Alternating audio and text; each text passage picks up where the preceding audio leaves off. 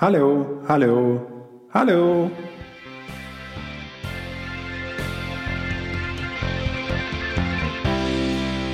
Det är världens bästa poplåt. Det enda du vill höra.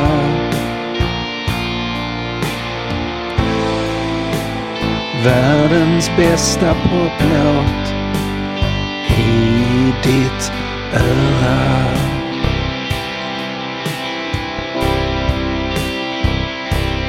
Ja, världens bästa Sida vid sida hjälps vi åt för tre specialavsnitt av Världens bästa poplåt säsong 4. Säsongen som behandlar låtar som är baserade på verkliga händelser och det har till slut blivit dags att landa i den svenska proggen. För är det någon genre som har varit sådär härligt socialistrealistiskt och verklighetsförankrad så är det den svenska proggen. Inte att blanda ihop med progrock där musiken var progressiv. Proggen hade traditionell musik men med försök till progressiva texter och progressiva sätt att sälja och distribuera musiken. Jag är Nils Karlsson och tillsammans ska du, jag, staten och en alldeles för liten del av kapitalet besöka proggen. En av två för Sverige tämligen unika musikgenrer. Den andra är dansbandsmusiken och visst kan man se bägge musikstilarna som en del av en och samma rörelse. Sida vid sida, tillsammans strök de fram på 70-talet där de hade sina konstnärliga storhetstider. Båda var försök att föra musik närmre folket, till folket och båda hittade sina egna distributionskanaler och båda var liksom försök till att vara antiteser till radiopoppen. Men medan dansbandsmusiken var musik till arbetare, av arbetare, om arbetares drömmar var musiken mestadels till akademiker, av akademiker och om akademikers föreställningar om arbetare och deras drömmar. Det gör såklart inte musiken dålig på något sätt alls. Nej, proggen är en skattkista med ett ibland fullständigt glimrande innehåll och ibland detta finns världens bästa poplåt. Men för att spela världens bästa poplåt måste ju kompositörerna få betalt, eller hur? För noll och noll är noll och noll noll noll noll noll och var du än släpper slantarna så rullar de åt samma håll vilket förhoppningsvis är rakt in på Patreon där man kan bli Patreon och stödja världens bästa poplåt så att jag kan fortsätta göra de här avsnitten på gott och ont. Finns länk i avsnittsbeskrivningen och annars kan ni googla. Genom proggen kan vi lära oss om historien för proggen vill att vi ska lära av historien och bli en del av historien. Och i det här avsnittet ska vi titta på progglåtar som försöker beskriva historien. För vi håller vår dåtid och nutid i samma knutna näve. Nu reser vi barn av vår tid till vår tid 1977. 1970 svepte en våg av vilda strejker över Sverige. Arbetarklassen gick spontant till kamp för högre lön, bättre arbetsvillkor. Detta blottade bristerna i det gamla KFML. Många i ledande ställning ville tona ner propagandan för revolutionen. De föll av för det spontana, det omedvetna i arbetarnas kamp. KFML splittrades i en småborgerlig och en revolutionär del. Inom KFMLR, där R står för revolutionärerna, inser man att det är kommunisters uppgift att lyfta, förvandla den omedvetna och spontana kampen till en medveten, organiserad kamp för revolutionen. Vi inom KFMLR ser inte splittringen som någonting dåligt i sig. Tvärtom. Splittringen var bra och nödvändig för att kunna ena arbetarklassen på revolutionär grund. Precis som SKP stärktes under Stalin, precis som KKP stärktes under Mao Zedong genom kampen mot högeravvikelser, precis så kommer dagens svenska revolutionära rörelse att stärkas genom kampen mot det småborgerliga inflytandet. Det lär oss, lär oss, lär oss, lär oss, lär oss historien. Det lär oss, lär oss, lär oss, lär oss, lär Därför har vi skrivit den här sången. När klasskampen flammade upp och ropet vild strejk spontant bröt fram. Började förbundets ledning att vackla och kackla om reformer likt yra önsk. Skrivbordsradikaler. Blir rädda då klasskampen skärps. Det lär oss. Lär oss, lär oss, lär oss, lär oss historien.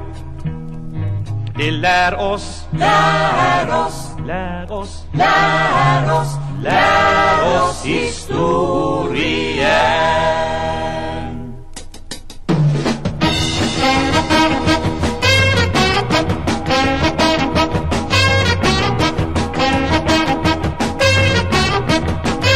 Vi läste Lenin och Stalin och angrep akademikernas reformism. Vi valde den skoningslösa kampens väg och enhet på arbetarklassens grund. Vi handlade som kommunister, ska göra då klasskampen skärps.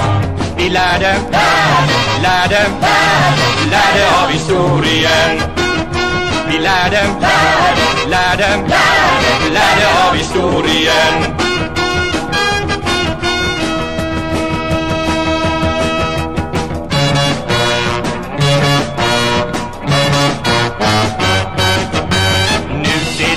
Sedan vi Småborgarna i sosse KFML Kan vi kommunister börja bygga partiet Som är vår historiska uppgift och plikt. Småborgare, visionister Kan aldrig bygga partiet. Det lär oss, lär oss, lär oss historien. Det lär oss, lär oss, lär oss historien.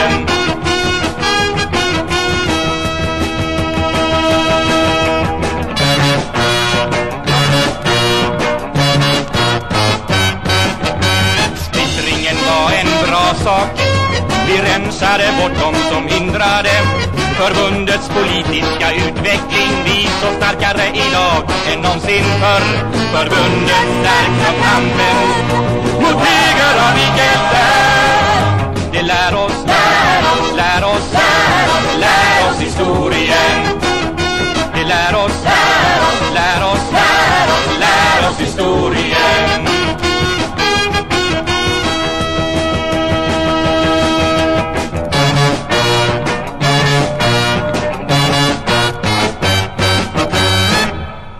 Okej, Knutna nävar sjunger om en väldigt specifik historisk händelse när kommunistiska förbundet Marxist-Leninisterna splittrades i två delar och blev kommunistiska förbundet Marxist-Leninisterna och kommunistiska förbundet Marxist-Leninisterna Revolutionärerna med revolutionärerna med ett litet R inom parentes på slutet.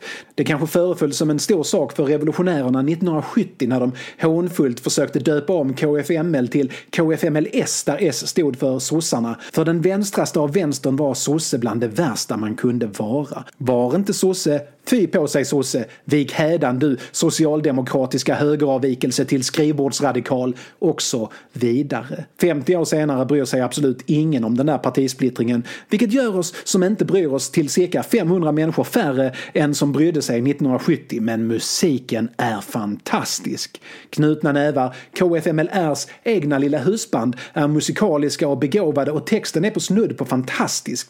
Är det något som är fint med proggen så är det hur absolut konkret konkreta proggförfattarna kan bli när de får feeling. För att uppskatta den svenska proggmusiken måste man utrusta sig med tre saker.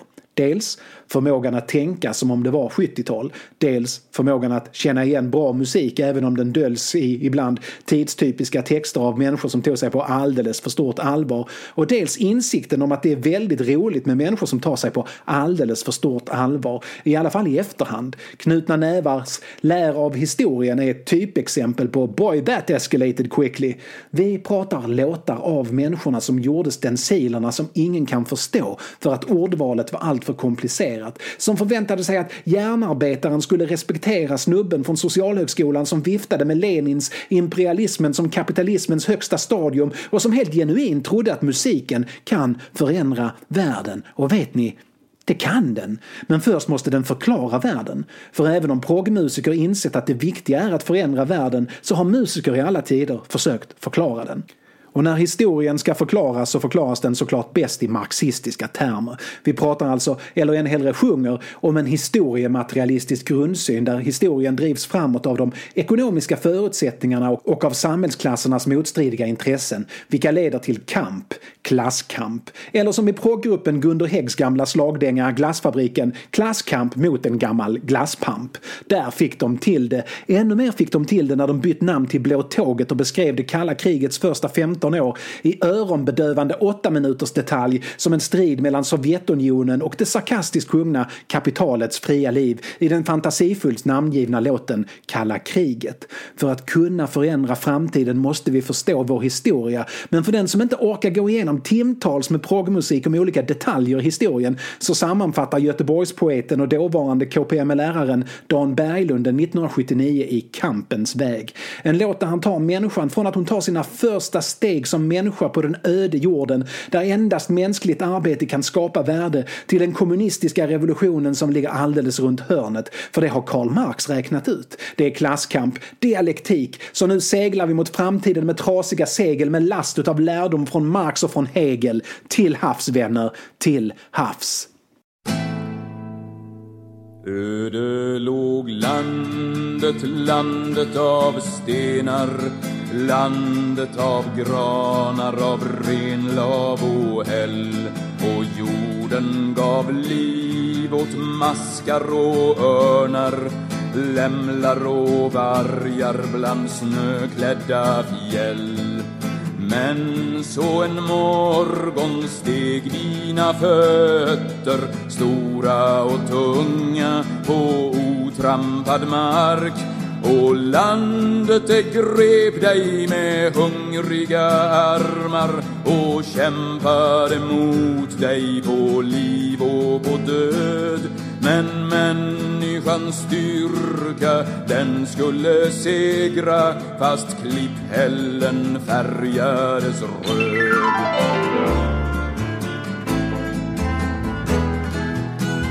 Men friheten dränktes i piskornas välde.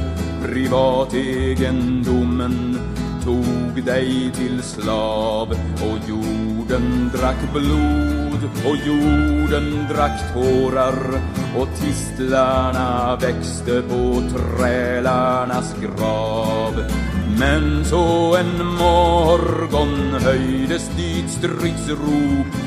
Klasskampen föddes med yxa och påk och hövdingens kämpar de svingade svärden och kämpade mot dig på liv och på död. Men människans styrka, den skulle segra fast boplatsen färgades röd.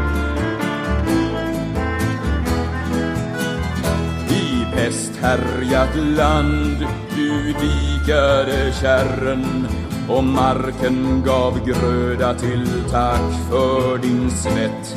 Men jorden beslagtog så snart fick du plöja blott för att göda en rikemans ett. Men så en morgon stod du vid du att kämpa för åkrar och bröd. Och godsherrens knektar de höjde gevären och kämpade mot dig på liv och på död. Men människans styrka den skulle segra fast byvägen färgades röd. En dag sa baronen Gå från min åker.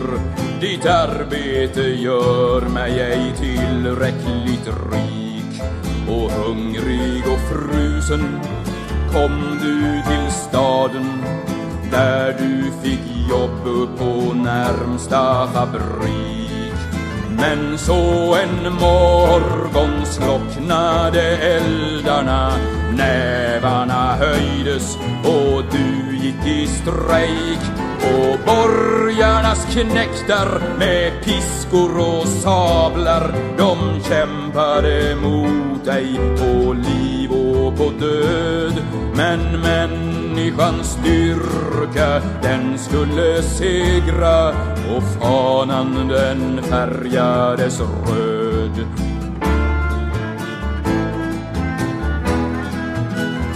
O du som har burit mitt frö genom natten var det blott för att få se mig ge upp.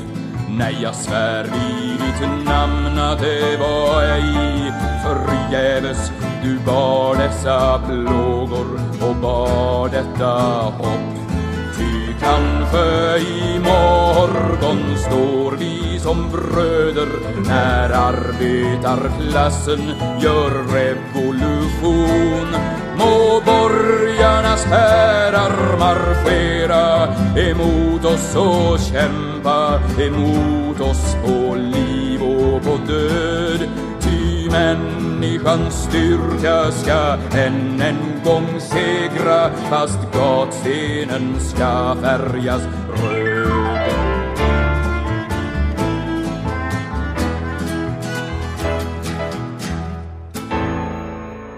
Berglund skulle senare, 2011, ge ut låten Snälla ögon där han resonerar kring hur han kunde blunda för de övergrepp som skedde i kommunismens namn runt om i världen.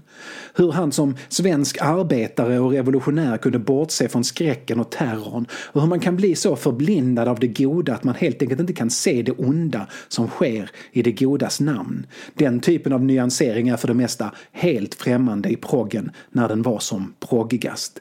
I nästan varje land som drabbats av rock'n'rollen och den efterföljande brittiska invasionen av popmusik och rock bildas det en progressiv musikrörelse. På de flesta ställen och i de flesta länder innebar det att musiken i sig letade efter nya former att uttryckas. Gamla ramar krossades, gitarrerna blev hårdare och taktarterna allt märkligare. Man bröt de band och bojor som ville binda musiken men så blev det inte i Sverige. För endast Sverige, svensk progg, har. Den svenska proggmusiken är inte särskilt progressiv, men allt kring den var, och det är för att omständigheterna i Sverige var annorlunda än i andra delar av världen. Frankrike är möjligen undantaget. Den svenska proggrörelsen sägs ha fötts på Gärdesfesterna 1970, men det var egentligen bara premiärfesten det. Grunderna lades tidigare. Det började med Vietnamkriget, alltså USAs Vietnamkrig. När vietnameserna besegrat Frankrike och blivit fria beslutade sig president Kennedy för att den där dominoteorin, om ett land blir kommunistiskt kommer till slut alla bli det, ett väldigt marxistiskt tänkande egentligen, nog stämmer. Och det är den fria världens plikt att stoppa den första dominobrickan från att falla. Krig på 60-talet var inte som krig på tidigare årtionden, för nu utspelade sig kriget inte bara på plats, utan i alla vardagsrum med en TV. Nästan i direktsändning kunde man i svenska hushåll titta på kriget, det senaste om kriget, nyheter från kriget och allt med en väldigt tydlig bild av vem som var den starke och vem som var den svage. Man var tvungen att välja sida, man var tvungen att ta parti, man kunde inte dra sig undan eller ställa sig bredvid. Och det var inte enkelt eftersom socialdemokratin i Sverige alltid varit antikommunister främst och allt annat i andra hand. Den som kände att det nog var USA som hade fel i den där konflikten tvingades vänsterut och som sagt, det var en konflikt som krävde att alla skulle ta ställning. Samtidigt som kriget i Vietnam eskalerar, 500 000 amerikanska soldater på plats 1965, så börjar 40-talisternas barn på universitetet. En socialdemokratisk framgång, en del av folkhemmet och samhällsbygget. Även arbetarklassens barn börjar plugga. Långt ifrån alla såklart, verkligen långt ifrån alla, men tillräckligt många lockas av möjligheten till studielån att universitetsstudenter plötsligt har vitt skilda klassbakgrunder. Och studenterna är såklart unga och radikala och väljer sida i alla konflikter det går går att välja sida i. Och om det för dagen inte skulle finnas någon konflikt att välja sida i så uppfinner man en konflikt att välja sida i. Ur Vietnamgrupperna, FNL-grupperna som de kallar sig, föds ett nätverk som kommer utgöra grunden för progmusikens infrastruktur. Ja, all progressiv kulturs infrastruktur egentligen. Kombinationen av en generations tvångsförflyttning vänsterut, nätverket och en intellektuell radikalisering av ungefär alla är grunden för proggen. 68-vänsterns soundtrack of our lives. I Sverige skulle alla med och den gamla kulturen skulle krossas och bara råttorna fanns kvar. Proggen välkomnade och kramade om samtidigt som den försökte lära ut marxistisk historieskrivning på skiva, på boksidorna och på tv-kanalen, vilket senare skulle bli tv-kanalerna. Alla skulle dra sitt strå till stacken och göra vad man kunde för att föra samhällsomstörtningen närmre. Så den som kunde sjunga och spela och var emot napalbombande av barn tog sitt instrument och började spela mot orättvisorna. Det skedde såklart i andra länder också, men här fanns nätverken, scenerna och en tradition av att organisera sig i föreningar. Dessutom gav de radikaliserade journalisthögskolorna också utrymme för proggen att liksom nästla sig in på redaktionerna lite varstans. Proggen fick utrymme, proggen hördes, proggen var mestadels skitdålig. Det är verkligen inte alla som kan spela musik. Även om idealet är att alla kan spela så är det inte så. Alla kan inte skriva musik heller. Men i Malmö händer det saker. Malmö blir på många sätt proggens testbädd och här föds giganterna.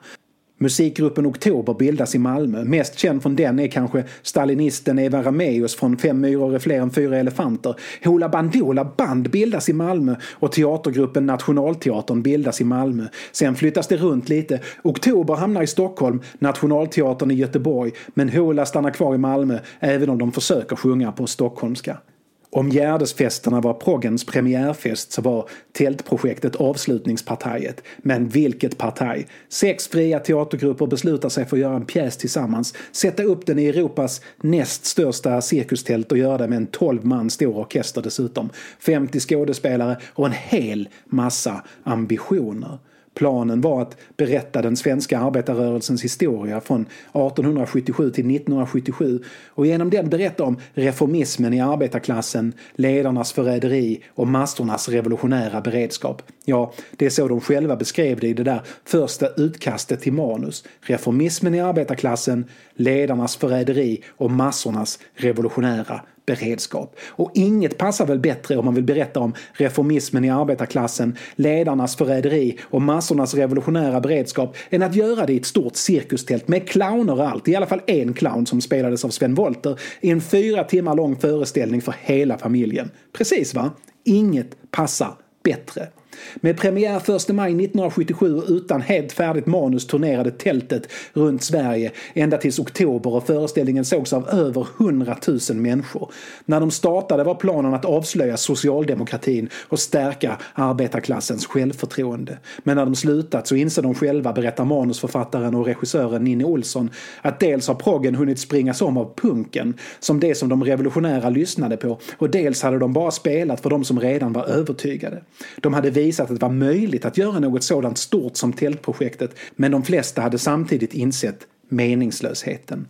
Tältprojektet kanske inte blev en politisk triumf, men det blev en musikalisk. Även om resan dit var svår så kom några av världens bästa poplåtar ur arbetet med pjäsen. En blev världens bästa poplåt och den andra manar till enighet och hopp. För vi lär oss, lär oss, lär oss av historien och vi är många, mer än hälften, som kan om vi vill göra världen till det den skulle kunna vara istället för det den är. Hur många är vi? Vi äro tusenden.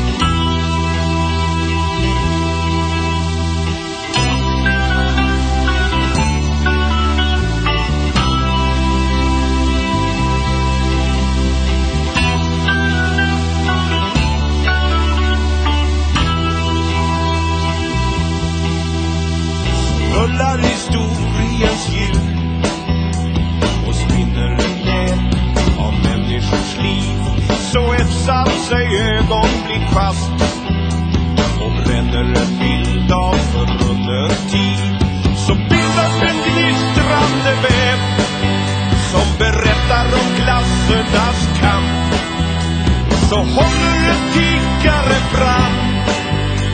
Sin dåtid och nutid i samma hand. Så börjar historien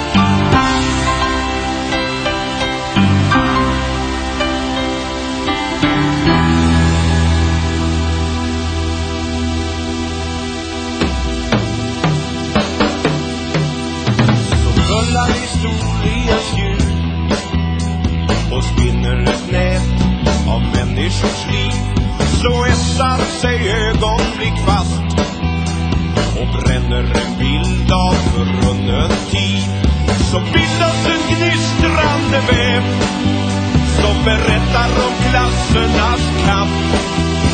Så håller en tiggare fram sin dåtid och nutid i samma hand. Så börjar historien nu och framtiden är idag. Idag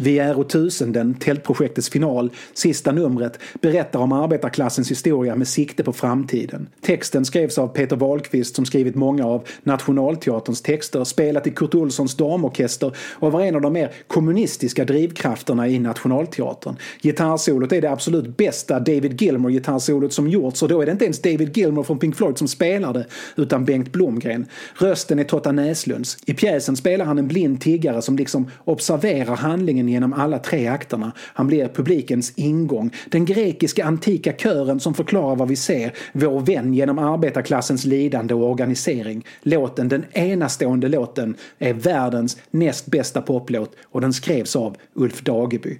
Dageby gick med i Nationalteatern redan före flytten till Göteborg och fann snabbt sin roll som en av de två som faktiskt kunde spela musik i gruppen. Den andra var Anders Melander som i början skrev den mesta musiken till föreställningarna. Nationalteatern tänkte hela tiden musikaliskt. Genom musiken når man de unga och skapar lite luft i pjäserna. Dageby var inte lika fascinerad av teatermusik som Anders Melander var. Nej, han var mer inne i rockmusik. Men Dagebys hårdare udd fick Nationalteaterns musik att sticka ut. Så pass mycket att skivbolagen började tjata om att få spela in deras musik. Något de till slut något motvilligt gick med på. Mest motvillig var i början Anders Melander för han anade hur det skulle bli. Att det mesta skulle spelas av Anders Melander och i viss mån Ulf Dageby. Även om alla i teatergruppen lovade att hjälpa till. Ta det som ett löfte låter inte bra. Låtarna på Ta det som ett löfte, vilket skivan heter, är bra. Men skivan låter bedrövligt och ja, det är nästan bara Anders Melander som spelar på den. Men den blir en hit och det spelas in en uppföljare. Till den och de nya pjäserna tvingas Dageby utveckla sitt låtskriveri för att Nationalteatern ska kunna möta efterfrågan. Under den här tiden skriver han både låten Livet är en fest och Hanna från Arlöv, båda regelrätta klassiker. Han skulle skriva fler klassiker senare. Om Ulf Dageby varit amerikan så hade han varit en av de allra största artisterna i världen. Han hade varit bland Bruce Springsteen, Neil Young och andra giganter. Men nu är han svensk och indragen i proggrörelsen och arbetade i den. Kollektivistiskt sammanhang istället för individualistiskt som det amerikanska. Men hans låtar med Nationalteatern är helt enkelt bara för bra. Barn av vår tid kommer spelas för barn av sina tider långt efter vi alla som lever nu är döda och begravda. När Nationalteatern gick med i Tältprojektet var det självklart att de delegerade Dageby till musikkommittén. Anders Melander hade slutat i teatern så det blev liksom Dageby kvar. De andra i musikkommittén var Bertil Goldberg från Nynningen och Christer Bostedt från Oktober. Det blev bråk direkt. Tältprojektet var inte en harmonisk föreställning på något sätt. Allt skulle ursprungligen beslutas med konsensusbeslut och pjäsen skulle skrivas och regisseras och tonsättas kollektivt, vilket såklart inte gick. Så man delade snabbt in i arbetslag, de kallade dem för kommittéer. Men dessa skulle i alla fall vara superdemokratiska. När vänstern ska samarbeta tar de såklart med sig sina egna konflikter, inklusive den uråldriga konflikten mellan stalinister, trotskister, anarkister och maoister. Den den vanliga lösningen på konflikter mellan stalinister, trotskister, anarkister och maoister är att alla pekar på varandra och högrött i ansiktet skriker högeravvikelse för att sedan smälla i dörrar på vägen ut. Alternativt att man skjuter ihjäl varandra. Här lyckas man trots allt hitta former, man utser medlare som i alla fall tillfälligt kan ena falangerna i kampen mot alla högeravvikelsers högeravvikelse, Socialdemokraterna. Så det löste sig hjälpligt med manus, skådespeleri och regi. Värre var det med musiken. För musikkommittén har drabbats av en ännu djupare och ännu mer uråldrig konflikt än den mellan stalinister och renegater och högeravvikelser. Den mellan rockmusiker och jazzmusiker. Goldberg skriver föreställningens genremusik som de kallar den, det vill säga låtar som ska låta som låtar som spelades när pjäsen för tillfället utspelar sig. Fullständigt okontroversiellt. Men Dageby och Bostedt ska skriva musikalnumren, alltså låtar som för handlingen framåt. Tanken var att om man sätter samman två genier, Nationalteaterns Dageby och Oktobers Bostedt, så skulle ljuv musik uppstå och tes och antites skulle bilda en underbar syntes. Så blev det inte alls. Bostedt älskade improviserad jazz, flytande tempon och ackord med så många konstiga tecken och siffror efter som möjligt. Ackorden skulle följa melodin och melodin skulle inte följa några regler alls. Alla utom bas och trummor skulle ha fria roller. Ulf Dageby säger i Johan Fornäs doktorsavhandling om tältprojektet att han avskydde den vedervärdiga skiten. Han hatade helt enkelt jazz. Dageby skrev rakt, enkelt och med ett musikaliskt minimalistiskt uttryck. Han ville utnyttja den stora orkestern till max såklart, skapa mer storslagen musik än han kunde i Nationalteatern. Men han tänkte inte att det innebar att låta alla jazza loss hur som helst. Framförallt inga jävla saxofonsolon. Bostedt spelade som av en händelse saxofon. De är oeniga om allt. Allt.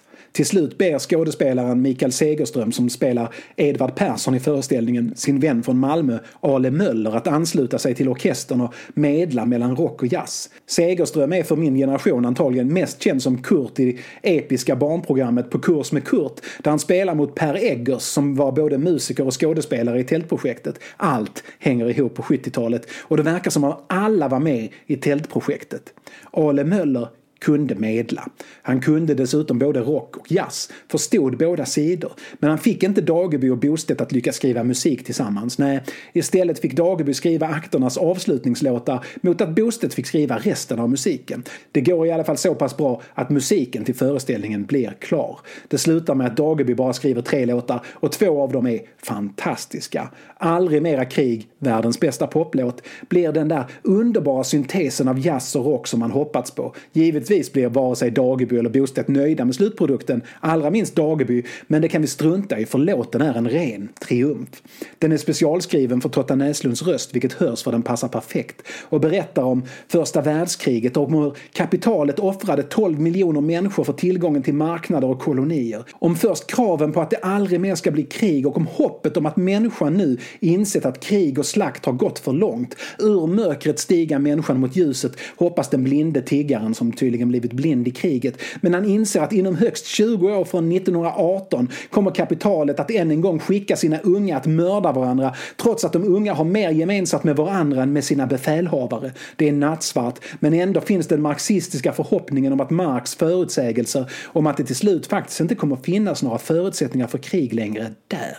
Aldrig mera krig är ett ilsket vrål och en uppmaning och en dröm samtidigt.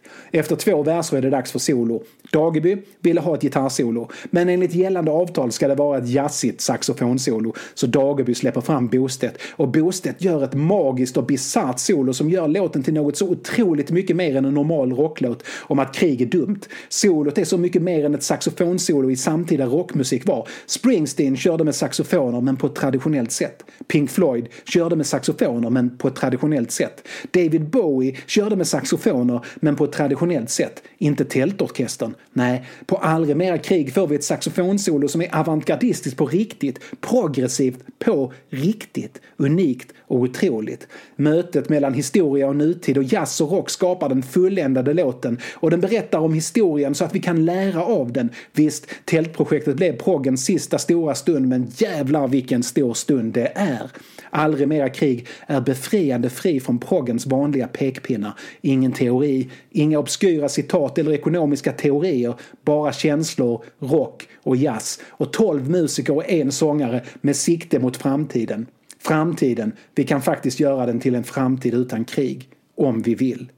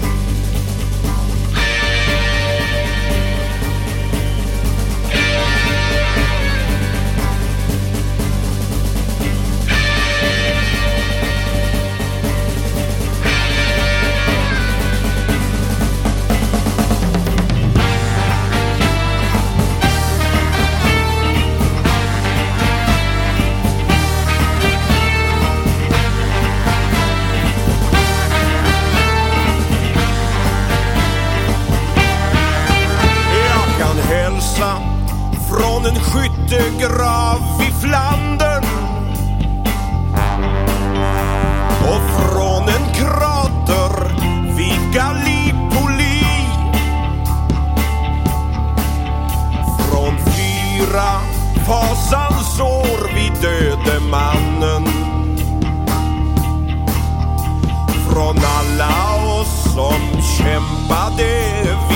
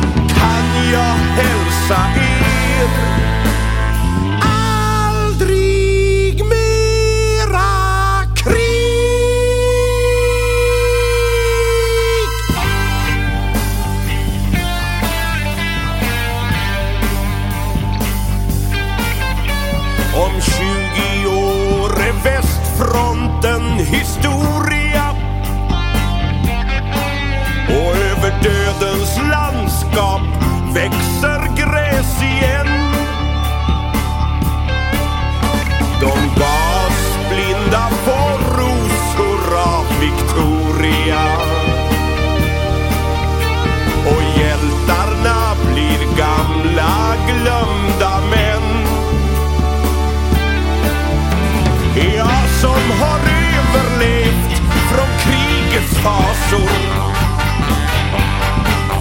Hurra ej i fredens skälvande minut.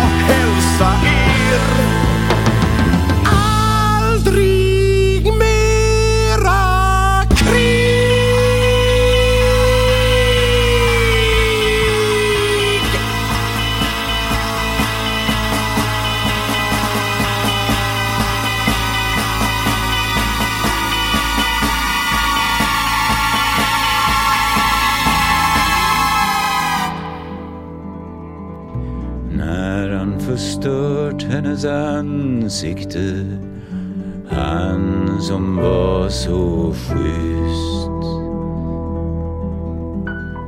Var det blod på hans knogar och slut på all sprit och månen vandrade tyst. Och slagen de tog och hon tog emot med läppar som kysst. Och när morgonens första fåglar sjöng tänkte hon, han är min vän. Han har ju så snälla ögon, är så god egentligen.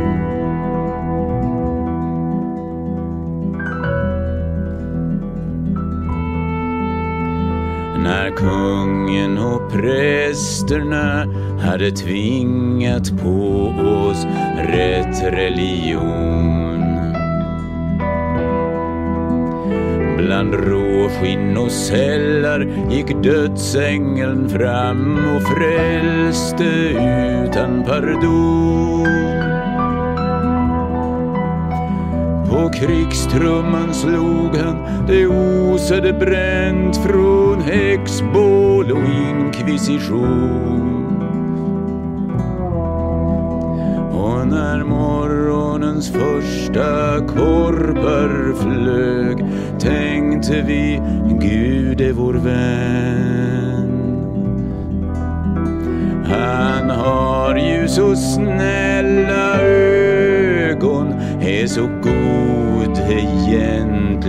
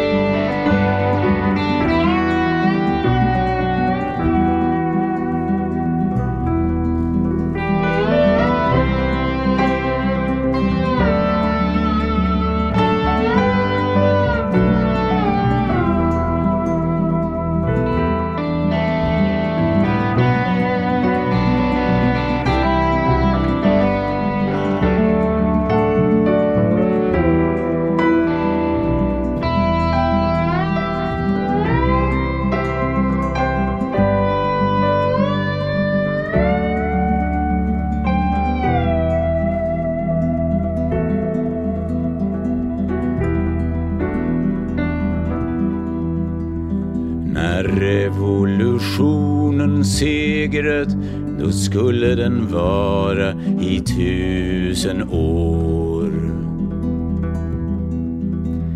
Jag hörde om den, jag trodde på den, jag fällde aldrig en tår. Över offren den krävt miljonerna som förslavades i dess spår.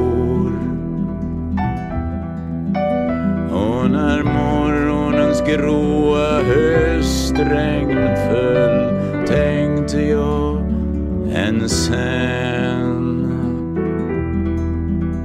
Den har ju så snälla ögon, är så god egentligen.